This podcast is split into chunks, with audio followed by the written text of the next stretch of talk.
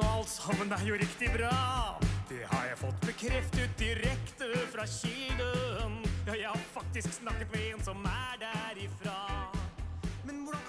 Da er det fredag igjen, og vi skriver 7. mai, og velkommen til ukens politikerpodkast. Mitt navn er Siv Wikan. I dag så har vi med Bjarne Gram, tidligere styremedlem i Norges veteranforbund for internasjonale operasjoner, avdeling Asker og Bærum, og Pekka, eller Per Christian Jacobsen fra Veteran møter veteran. Velkommen til dere. Takk for det. Takk. I morgen så er det 8. mai, frigjørings- og veterandagen. Og vi feirer friheten, og vi hedrer norske veteraner fra andre verdenskrig og frem til dagens internasjonale operasjoner. Og vi bruker dagen til å glede oss over et fritt og demokratisk Norge. Dere har begge, i tillegg til å være veteraner, vært involvert i arbeid lokalt med både kommunens veteranplan, eh, som første gang ble vedtatt i 2018, eh, og man deltar i ulike frivillige aktiviteter. Og her har jo du, Pekka, vært sentral i, eh, i Veteran møter veteran her i Bærum. Men hvis vi skal ta definisjonen på en veteran, Bjarne, hva, hva, hvordan vil du definere det? Ja, altså Forsvarsdepartementet skrev i 2014 at en veteran er alle norske statsborgere som har deltatt eller deltar i fredsbevarende, fredsopprettende eller statsbyggende innsats i andre land. Fra utenriks-, justis- og forsvarssektoren. Eh, og Den samme definisjonen tok vi med inn i Bærum kommunes veteranplan. Og hvor vi også da inkluderer familie og pårørende i det arbeidet med eh, ivaretakelse, anerkjennelse og oppfølging av veteranene.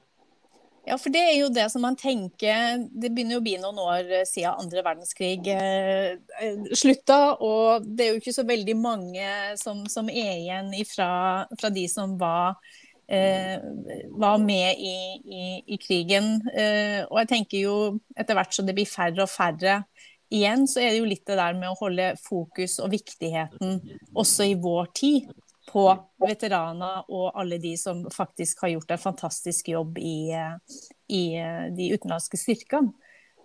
Så det er jo en, en viktig dag å markere. Og, men hvis dere skulle si litt om det arbeidet altså Nå er jo Bærum faktisk Norges fjerde største veterankommune, med over 800 veteraner bosatt i kommunen. Og det, jeg ble litt overraska over det tallet, for det hørtes jo Ja, det var mye større. Dere, dere, er sånn litt skjult også, på en måte.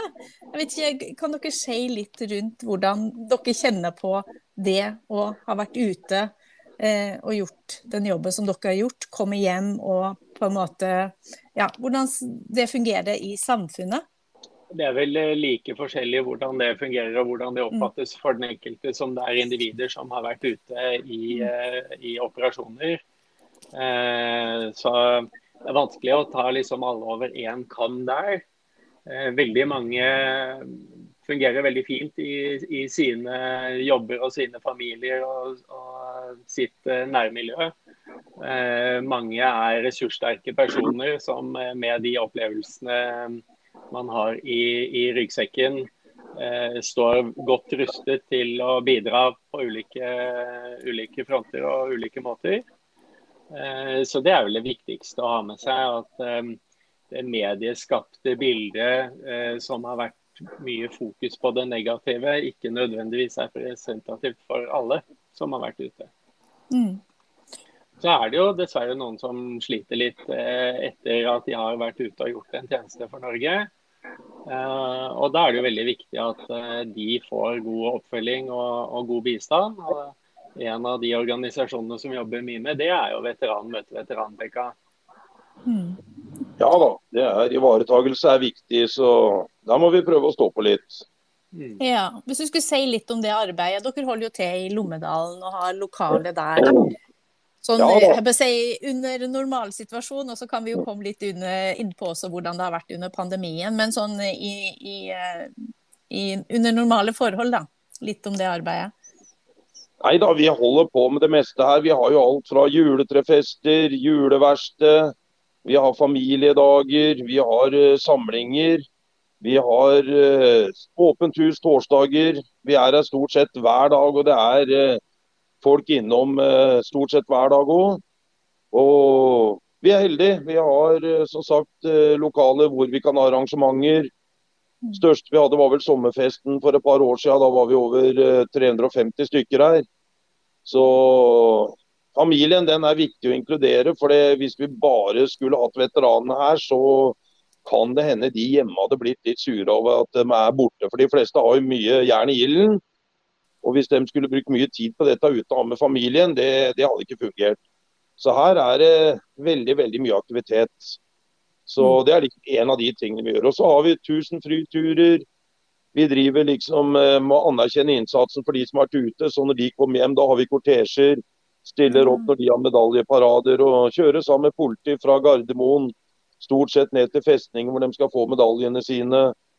Så har suverent samarbeid med Envio lokalt der og Asker og Bærum Forsvarsforum. og Det er foredrag på Bekkestad bibliotek, så det er eh, bra med tilbud i kommunen her for veteraner og familier. Mm, det høres jo Ja, det, det jeg skjønner at det er mye, mye som skjer. Og, eh, det var jo også litt rørende. Jeg var jo inn på litt sånn i, i researchen til det her og så på Forsvarets side under veteraner de historiefortellingen til spesielt barn. da. Eh, og det var jo ganske gripende å lese hvordan de føler det eh, der pappa eller mamma er, er ute. og eh, Så det er jo viktig med det nettverket og det at man kan ivareta og Eh, støtte underveis. For jeg regner med at eh, det er jo ikke bare de som er kommet hjem, men det er også familiene til de som faktisk er ute. Absolutt. Og det er jo også inn i definisjonen. Eh, det er de som har deltatt eller deltar i operasjoner. Mm. Mm. Og mye av aktivitetene hos dere Pekka, er jo relatert nettopp til pårørende og barn av de som er ute. Ja, det er viktig. Det er jo en belastning for de og når den andre parten er ute. For de, det er jo et halvt år hvor de, eller mer, hvor de faktisk den parten som er hjemme, sitter hjemme med barn, hjem, skal ha alt å gå rundt i forhold til kanskje idrett, musikk og sånne ting. Og da har de faktisk kanskje familien rundt seg. Det ble, vel sagt en gang at rundt hver veteran så regner man at de nærmeste at det er liksom ti stykker som er berørt liksom av dette her når noen er ute i tjeneste. Så hvis man skal da ja, Det er vel eh, rundt en 120 000 de prater om har vært ute. og Hvis du skal gange opp det med ti, mm. så begynner det å bli mange involvert i, i dette her. Mm. Mm. Men uh, jeg tenker litt du, du, var litt inne på det, Bjarne. Det her med uh, om, omdømme, kan jeg kalle det for det? Det blir kanskje litt feil å si det, men omdømme til veteranene. For det er jo uh, når man går inn på Forsvaret sine hjemmesider og ser medalje ut, altså de tradisjonene som er spesielt på 8. mai, der du har de medaljeutdelingen og, og den hedringa som som, som, eh, som eh, veteranene får. og så er det litt det der når det da kommer i media, så er det som du sier, gjerne med negativt ja, vi kaller det negativt fortegn, men, men det, den, det, går jo mye på den psykiske og fysiske helsa. Eh, altså den balansegangen på, på, akkurat det i forhold til det inntrykket som, som resten av befolkninga får. da. Nå har det jo vært en, en veldig vridning i de siste årene. Eh, både eh, en helt annen oppfølging fra Forsvarets side og helt annen måte både med, eh, både med anerkjennelse og ivaretakelse og oppfølging. Så eh, anerkjennelse, dette med å gjøre markering 8. mai, det å gjøre 8. mai til frigjørings- og veterandagen. Mm. anerkjennelse med utdeling av medaljer og av litt ordentlig store, fine medaljeparader. Det er ikke bare noe som skjer ute i operasjonsområdet mm. før du drar hjem. Um, ivaretagelse og oppfølging hvor Forsvaret fra sin side har et helt annet apparat både før hjemkomst, ved hjemkomst og etter hjemkomst enn det man hadde før. Mm. Uh, og, og, med de aktivitetene som har vært rundt omkring i landet uh, i forbindelse med 8. mai og markeringen av 8. mai, som veldig mange setter stor pris på. Uh, og som gjør at uh, man føler man blir sett litt, og det er det nok mange som setter stor pris på. Mm. For det er jo litt det der med å kjenne på stoltheten, uh, også både for barna og partner og, og familien rundt, og ikke minst mm. for de sjøl som har vært en del av det. Jeg har lyst til å ta inn, for nå er jo litt altså Stortinget har jo behandla den veteranmeldinga, og den er jo i hvert fall sånn som jeg har forstått det, beskrevet som veldig god og, og, ganske omfattende. Og den tar jo opp noen sånne hovedområder i forhold til eh, også det her med å høyne status eh, til veteranene. Eh, men hvis vi, vi tenker nå Ta et eksempel, da. Afghanistan. Nå har vi vært der i 20 år. Og norske, den norske innsatsen har jo fått et veldig godt omdømme, også blant andre nasjoner. Eh, og det var viktig for Nato å gå samla inn, og nå er det viktig å gå samla ut. Men, eh, og så ser vi også det har vært en sånn betydelig fremgang i det afghanske samfunnet, bl.a. med jenter som nå får tilgang til skolegang osv. Så, videre. så man har jo vært med å påvirke. Eh, og så får vi jo håpe at det ikke blir noe tilbakegang, eh, men det, det vil jo bare tida vise. Men, men hva, hva, tenker dere rundt eh, eh, når man ser over en så lang periode hva man ja, når man nå på en måte skal ut av det. Eh, du tenker på det med ut av Afghanistan? Ja. ja. ja. Uh, altså det, det, som er litt vanskelig med det, er jo uh, hvorvidt samfunnet klarer å, å opprettholde lov og orden mm. etter at man trekker seg ut. Men det er en politisk beslutning som ikke er opp til meg å, å synse så veldig mye om. Men det som er viktig, er å, å støtte de som har vært ute og kommer hjem igjen. Eh, og sørge for at de blir fulgt opp på en, eh, på en, ordentlig måte. Nå er det jo Sammensetningen av personell som er ute, er annerledes nå i forhold til den gangen Pekka og jeg var i Bosnia sammen. Eh, nå er det de profesjonelle soldatene, de profesjonelle offiserene, de yrkestilsatte som drar ut i veldig stor grad. Tidligere så var det i mye større grad at man dro inn jeg håper å si frivillige, ikke stadig tjenestegjørende, eh, som kanskje hadde vært med på ulike andre operasjoner eller hatt tilsvarende oppgaver i det sivile eller i det militære liv tidligere, og som ble valgt ut fra kompetanse eh, mm. sånn sett. Eh, mens det nå da, som jeg sa, nå er det de yrkesaktive eh, fast tilsatte i Forsvaret som, som drar ut. Så det blir jo en, en, en, annen måte å kunne følge opp på enn at du kommer tilbake til en jobb i Forsvaret. Mm. Mm. Når vi kom hjem, så gikk vi rett ut i det sivile liv eh, og hadde relativt lite oppfølging den gangen. Mm. Så Der har det skjedd en endring, ref også fokuset. så Der kan man jo kanskje si at media har hatt en rolle i, i, i forhold til å få Når vi tenker på den nye veteranmeldinga som jeg nevnte i sted, i forhold til en tettere oppfølging av de som har vært ute, og hjelp til familiene, ikke minst. Uh, så, og de aller, aller, fleste har jo mestra det her veldig godt. Og, uh, og, så er det jo noen da som, som har behov for, for ytterligere uh, støtte og, og hjelp ut ifra hva slags situasjoner de har vært oppe i da. Eh, men jeg tenker, Pekka, i forhold til den jobben som dere, eh, som dere gjør, hva tenker du er, er viktig for dere i, i, det arbeidet? Eh, hvis vi tenker lokalt her i Bærum, da? Nei, Det som er viktig for oss, det er jo at vi må prøve å nå ut til flest mulig. Vi har jo som sagt ikke svære nettsider, ingenting. Vi har Facebook-gruppa vår, men den begynner å bli greit kjent.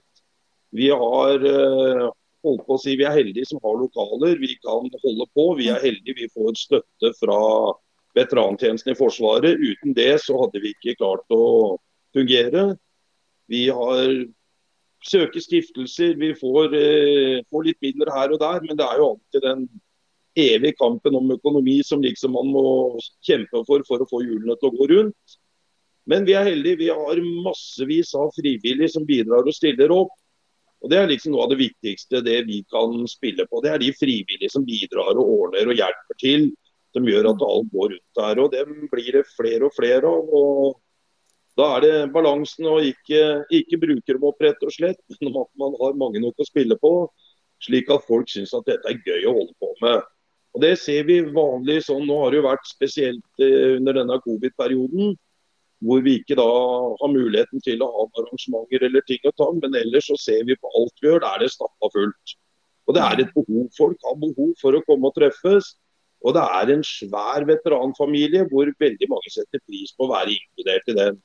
Og Det ser vi når vi har arrangementer. Folk står side om side, hjelper til. De lager mat, de rydder, ordner, fikser, tar vare på hverandre. Og det betyr veldig mye for mange. Mm. Så det er blitt et veldig veldig bra miljø ut av dette her. Eh, jeg tenker Nå er jo den eh, veteranplanen som vi har her i Bærum, det skal jo revurderes. Og de erfaringen, altså Det er ikke så mange år da, fra, fra, 2018, men er det ting der som dere tenker er viktig nå i en sånn revurdering, som, som kanskje ikke ble fanga opp i første runde? Jeg tror nok at det viktigste tiltaket er litt det Pekka var inne på. At eh, det var vi, vi, fikk inn et tiltak, eh, såkalt tiltak 8, eh, om at kommunen skal støtte veteranorganisasjonenes forebyggende arbeid.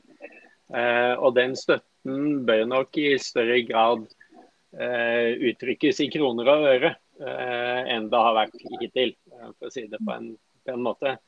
Så eh, Organisasjonene og det arbeidet som gjøres av frivillige i kommunen for å hjelpe veteranene, det har jo mange aspekter. Det ene er at man kan hjelpe det enkelte individ, men ved å hjelpe et individ til å hjelpe andre igjen.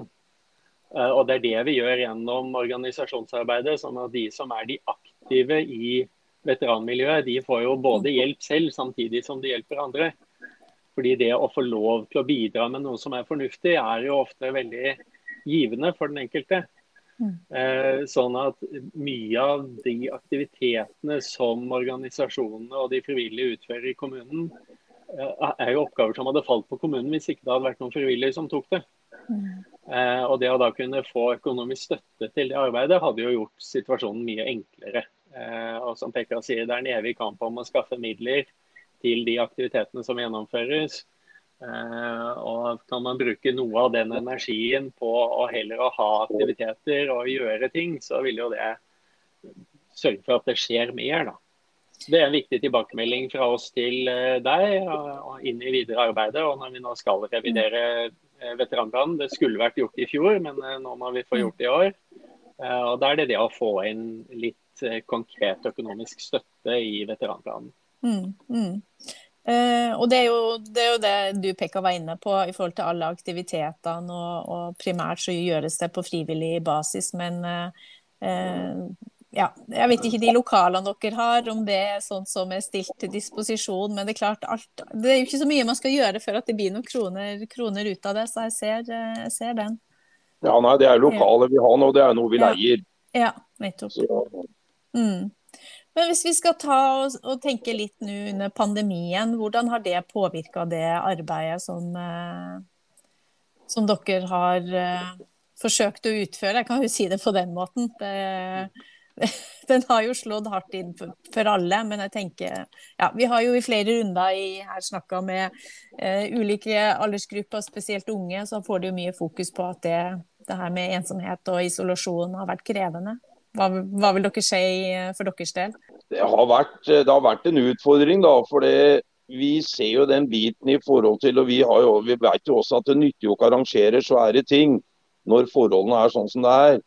Men som vi tenker, når du har store lokaler og du ikke kan få lov å egentlig gjøre noen ting, mens i perioder så ser du at du kan ja, Du kan dra på kjøpesenter, du kan gå i butikker, du kan gå på gallerier. Det er så mye annet som er oppe, men du får konsekvent nei. Arrangementer er ikke lov. Og så tenker jeg at vi, vi, Hvis man samler noen få mennesker for å kunne sitte og prate, og jeg vet det har jo vært fem og det har vært ti, eh, men eh, det er klart at det kommer det en familie som er fem stykker i utgangspunktet da, så har du ikke lov. For hvis jeg er her i tillegg, da er vi seks. Og da tenker jeg at det burde kanskje vært litt mer slakk, ikke konsekvent kalle det et arrangement.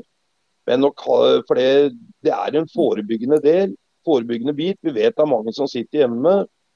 Jeg er jo heldig, for jeg har jo faktisk kan dra opp hit til Lommedalen.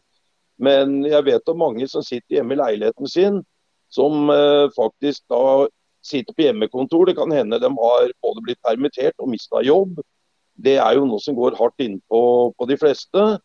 Og da er det litt tiltak for å liksom bare gå ut og tusle en tur alene og Vi ser jo det, det kommer jo liksom en, inn innom. og Jeg prøver jo liksom å avtale at folk kan komme til forskjellige tider. Men det er klart at uh, kunne man kanskje endra litt på definisjoner hva man kaller arrangementer, hva man kaller ting og tang når butikker er oppe, alt annet er oppe. Men her er det ikke lov å komme, for det er et lokale. Og da med en gang det er noen setter døra innafor, da blir det på en måte kalt et arrangement. Så Der mm. tenker jeg at man kanskje burde hatt en liten diskusjon, finne ut hva er mulighetene, hva kan man få til. For det, vi har jo hatt Innimellom får vi deler ut litt mat. Vi driver med mye av det som egentlig samfunnet burde, burde ha tatt seg av. Og Det er forebyggende arbeid. Vi vil jo ikke at folk skal sitte hjemme og bli mer og mer deppa. Vi vil ha dem ut, ta dem med på ting. Og da, må, da holder det ikke alltid bare å ringe. Da er det den biten å kunne møtes. Og det er jo ikke snakk om mange, men det er snakk om å få til småting mm. som faktisk gjør at ting kan bli, eh, bli lettere og greiere i hverdagen for folk. Ja, det er eh, mange fasetter som slår ut eh, når forskrifter og, og si, smittelovgivning skal, skal, utføres. Man ser jo at de gode intensjonene ofte kanskje får andre utslag når det kommer til det praktiske. Det er vanskelig å tenke på alt. Men vi får håpe nå da at vi ser lys i tunnelen, og at vi Eh, når det nærmer sommeren seg, at det, det, blir litt bedre.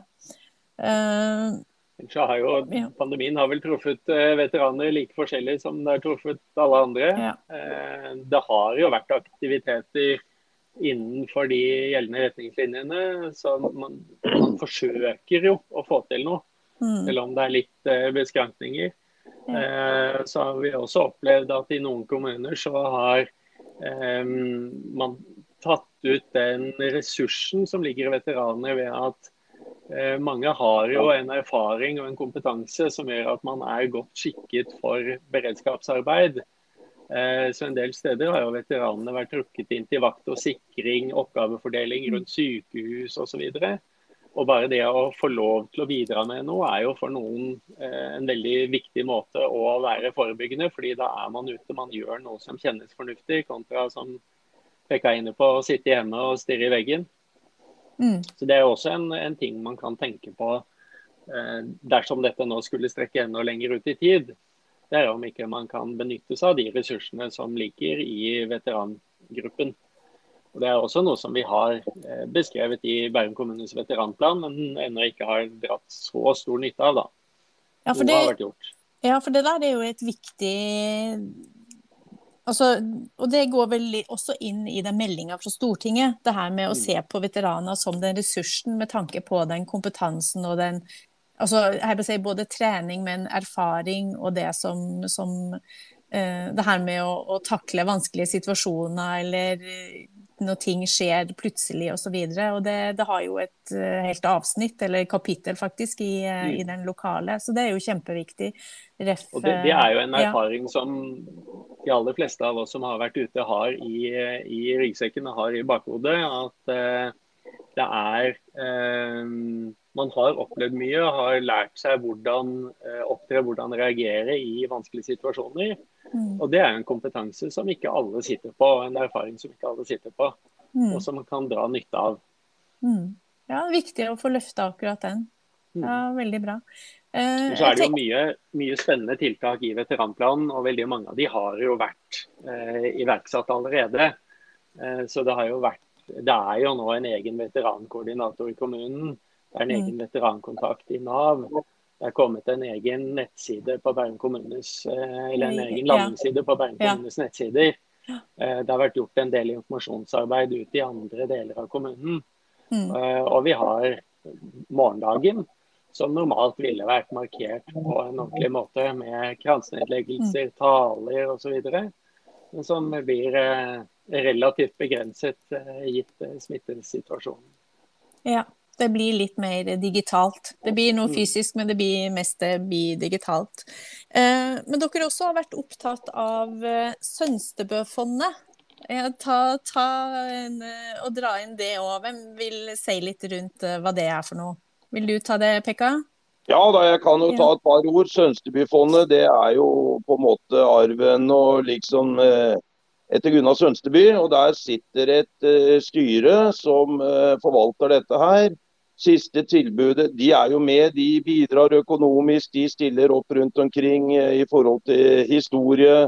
De har vært eh, veldig engasjert, samla inn penger eh, til, oppe i Bagn i Valdres til, til, en gård der. De har, stiller opp, bidrar. Nå har jo det siste tilskuddet det er jo at de skal ha foredrag som de kan ha rundt omkring på, på skoler. og Der er det jo tidligere veter, veteraninspektør Robert Mood Som da han og andre vil reise rundt, kunne ha foredrag, og dette er da gratis for kommunene. Og Det tenker vi at uh, det har jo vært snakk om å kutte ut litt på undervisning i forhold til historie og sånne ting. og Da tenker vi at uh, historie det er viktig.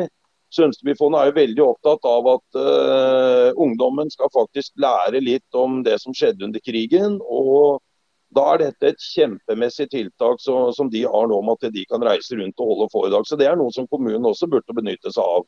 Også i regi litt det her med at det stadig blir færre og færre av eh, altså, Tidsvitnene blir borte. I, ja, og, og, det er litt det der med å og etter hvert som generasjoner vokser opp, så, så, så, blir det bare fjernere og fjernere. Når man ikke lenger har besteforeldre som kunne fortelle fra hvordan det opplevdes der og da også.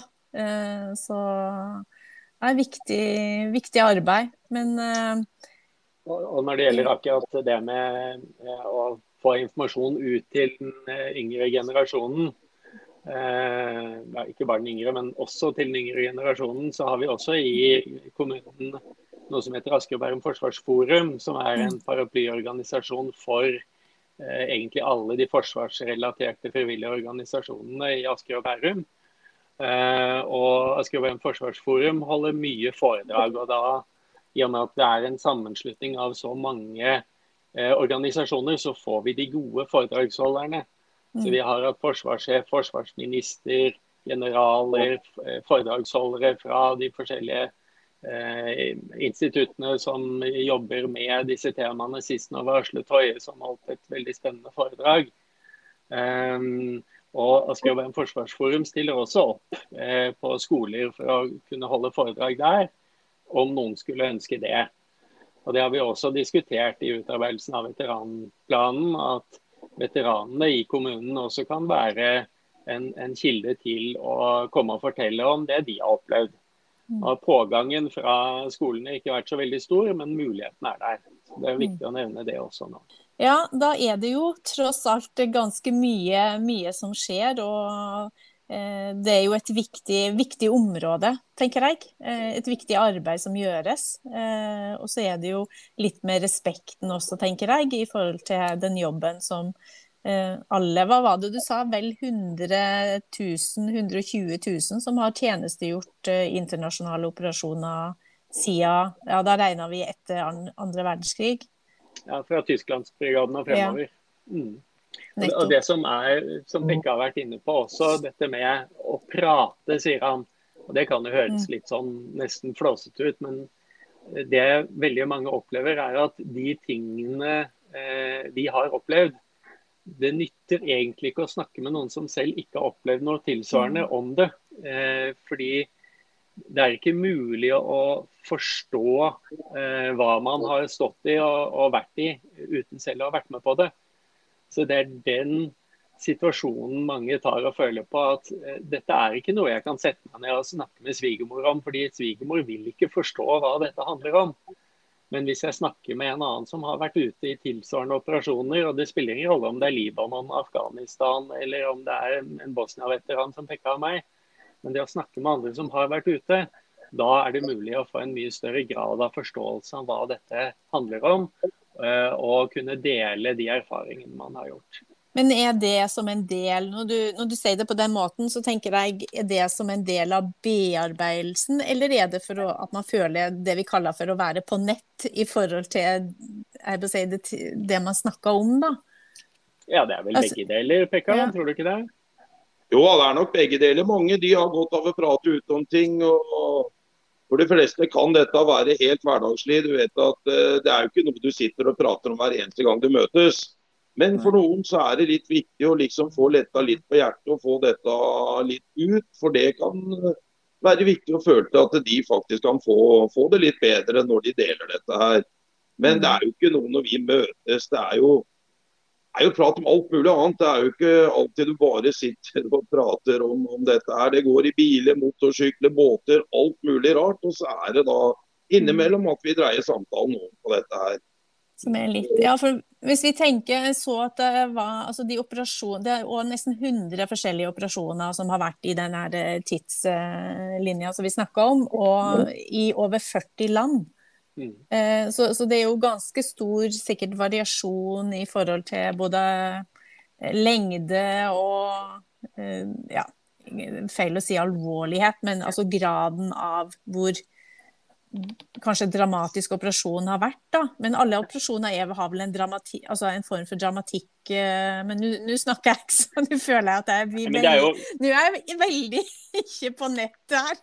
Det er jo veldig forskjellig avhengig av både hvor man har vært, men også hva den enkelte har opplevd. Ja. Eh, og noen ganger så vil man jo tro at de som har hatt eh, opplevd mindre, eh, kanskje også reagerer mindre, men det er veldig forskjellig. Fordi det er veldig avhengig av eh, mange faktorer, og mange faktorer du heller ikke kan kartlegge i forkant. Mm. Eh, så jeg har jo opplevd personer som har hatt en tjeneste som tilsier at de egentlig ikke har opplevd noen ting, men som er de som sliter psykisk i etterkant. Eh, og det er noen som tar til seg det andre forteller, og gjør det til sine egne opplevelser, selv om de egentlig ikke har vært med på det. Mm. Eh, og som sitter med, med ettervirkninger av den grunn. Mm. Og Derfor så er det, det for veldig mange, det å prate, som Pekka sier, det er ikke sikkert de trenger å prate om tjenesten, men å vite at den du snakker med har det samme erfaringsgrunnlaget, det er for mange veldig trygt. Og, og for å støtte opp under den derre litt løse praten, så har vi også et annet tilbud i kommunen som er eh, veterantreff. Det er Forsvarets veterantjeneste som eh, eh, går inn og sponser mat. Så betaler man selv for drikke, og så møtes man på et eller annet sted som har mat og drikke. I veldig mange byer så er det på Peppes. I Sandvika så har vi møttes på Barracoa. Eh, og hvor da de som har vært ute et eller annet sted, ikke noe krav til medlemskap i noe gitt organisasjon eller noe sånt, noe, kan komme, få seg en matbit, kjøpe seg en cola og sitte og slå av en prat med andre som har litt av samme erfaringsgrunnlaget. Nå har vi jo måttet slutte med veterantreffene, eller de såkalte pizzatreffene nå under covid-19-situasjonen.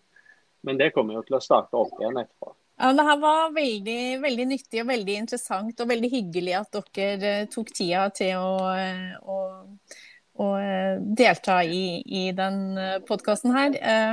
Men jeg tenker vi har i alle podkaster en avslutning, en liten sånn fun fact-del. Men det her, jeg tenkte vi skulle gjøre litt sånn research i forhold til å finne noen spørsmål til dere, men det var kanskje ikke så lett å, å Men vi har ett, da.